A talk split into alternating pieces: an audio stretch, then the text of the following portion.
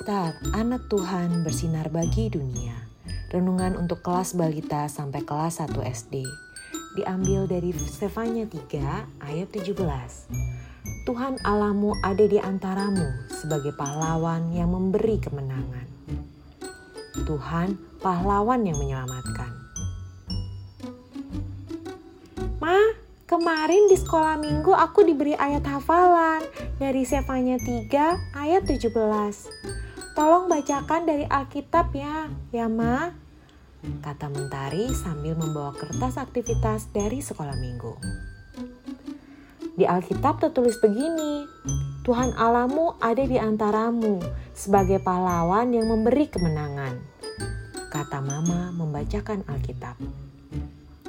Iya, itu Ma. Mentari masih kurang mengerti. Tolong jelaskan arti ayat tersebut ya. Pinta Mentari. Mama menjelaskan. Allah selalu ada untuk menolong kita. Jadi Allah adalah pahlawan kita. Oh gitu ya. Mentari bisa selalu berdoa minta tolong kepada Tuhan. Seru Mentari sambil mengangguk-angguk. Adik-adik, Maukah kalian menjadikan Allah pahlawan kalian? Nah, sekarang coba kita ingat ayat hafalan Sefanya 3 ayat 17 ya. Dan masukkan kata-kata tersebut sesuai dengan urutan nomor di aktivitas di bawah ini. Mari kita berdoa. Tuhan Yesus, terima kasih sudah menjadi pahlawan yang selalu menolongku. Amin.